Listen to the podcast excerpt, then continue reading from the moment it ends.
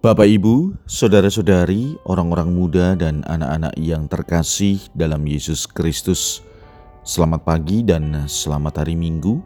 Salam bahagia dan salam seroja untuk kita semua berkah dalam. Bersama dengan saya, Romo Antonius Garbito Pambuaji, menyampaikan salam dan berkat Allah yang Maha Kuasa dalam nama Bapa dan Putra dan Roh Kudus. Amin. Marilah kita berdoa.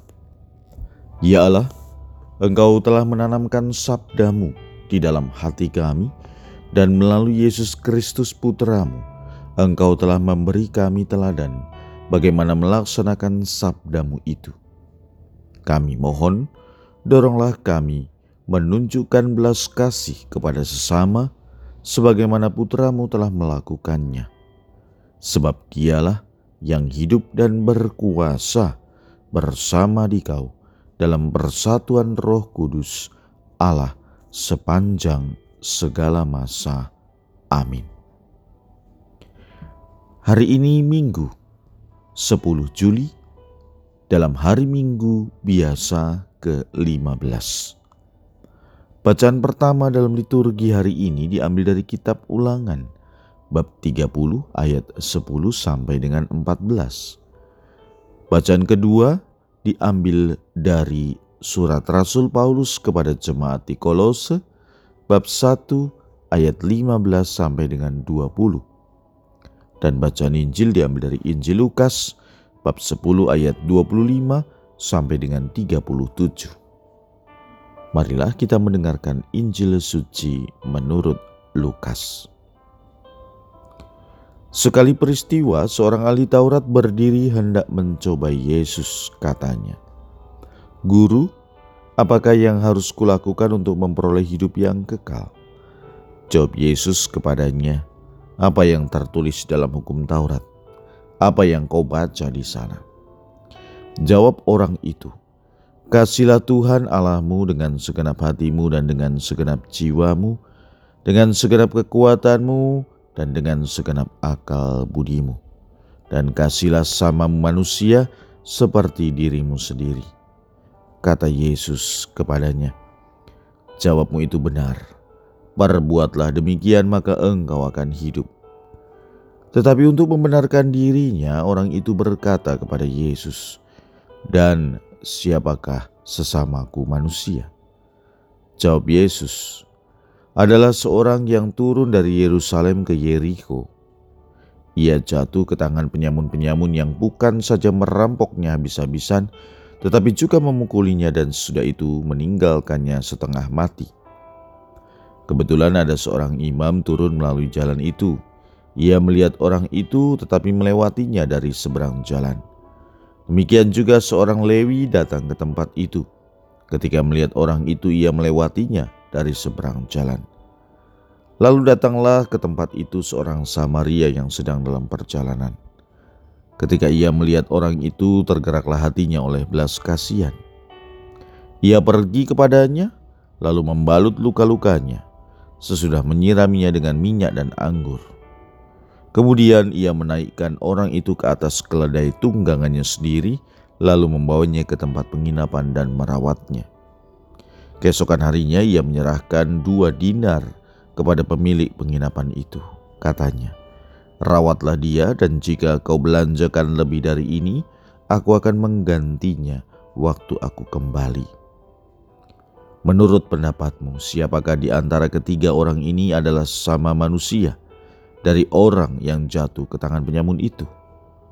Jawab ahli Taurat itu orang yang telah menunjukkan belas kasihan kepadanya. Kata Yesus kepadanya, "Pergilah dan perbuatlah demikian." Demikianlah sabda Tuhan. Terpujilah Kristus. Saudara-saudari yang terkasih, apa yang digambarkan dalam Injil yang baru saja kita dengar tentu bukan hal baru, karena dalam Perjanjian Lama hal itu sudah diungkapkan. Dan hal itu pula dikenal baik oleh ahli Taurat yang datang kepada Yesus dengan pertanyaan yang jelas, "Apa yang harus kulakukan untuk menjadi atau memperoleh hidup yang kekal?" Ahli Taurat ini mengendaki agar Yesus memberi jawaban jelas dan tegas. Maka ia bertanya, "Siapakah sesamaku?" Dalam menjawab pertanyaan itu, ternyata Yesus tidak memberikan rincian tentang kasih kepada Bapa sebagaimana diharapkan oleh ahli Taurat. Yesus justru memaparkan perumpamaan tentang seorang Samaria yang baik hati. Perumpamaan ini mengajarkan bahwa orang harus terus-menerus menjadi sesama yang makin baik bagi orang lain dan tidak membuang-buang waktu untuk menentukan apakah seseorang cocok disebut sesama. De facto, Yesus tidak pernah menjawab pertanyaan sebagaimana diajukan kepadanya. Ia berbicara tentang apa artinya menjadi sesama yang baik bagi orang lain di sekitar. Bagi kita, yang penting bukanlah siapakah sesamaku, tetapi apakah aku ini menjadi atau sudah menjadi sesama yang baik bagi orang lain. Jelas bahwa Yesus menyatakan orang yang telah menunjukkan belas kasih kepadanya, pergilah dan perbuatlah demikian. Marilah kita berdoa. Allah Bapa yang Maha Penyayang, kami bersyukur karena boleh mengambil bagian dalam mengenangkan misteri Paskah Putramu. Semoga kehadirannya dalam diri kami semakin memberanikan diri untuk berkorban demi terwujudnya cinta kasih yang nyata kepada sesama. Demi Kristus Tuhan dan pengantara kami. Amin. Berkat Allah yang Maha Kuasa, dalam nama Bapa dan Putra dan Roh Kudus. Amin.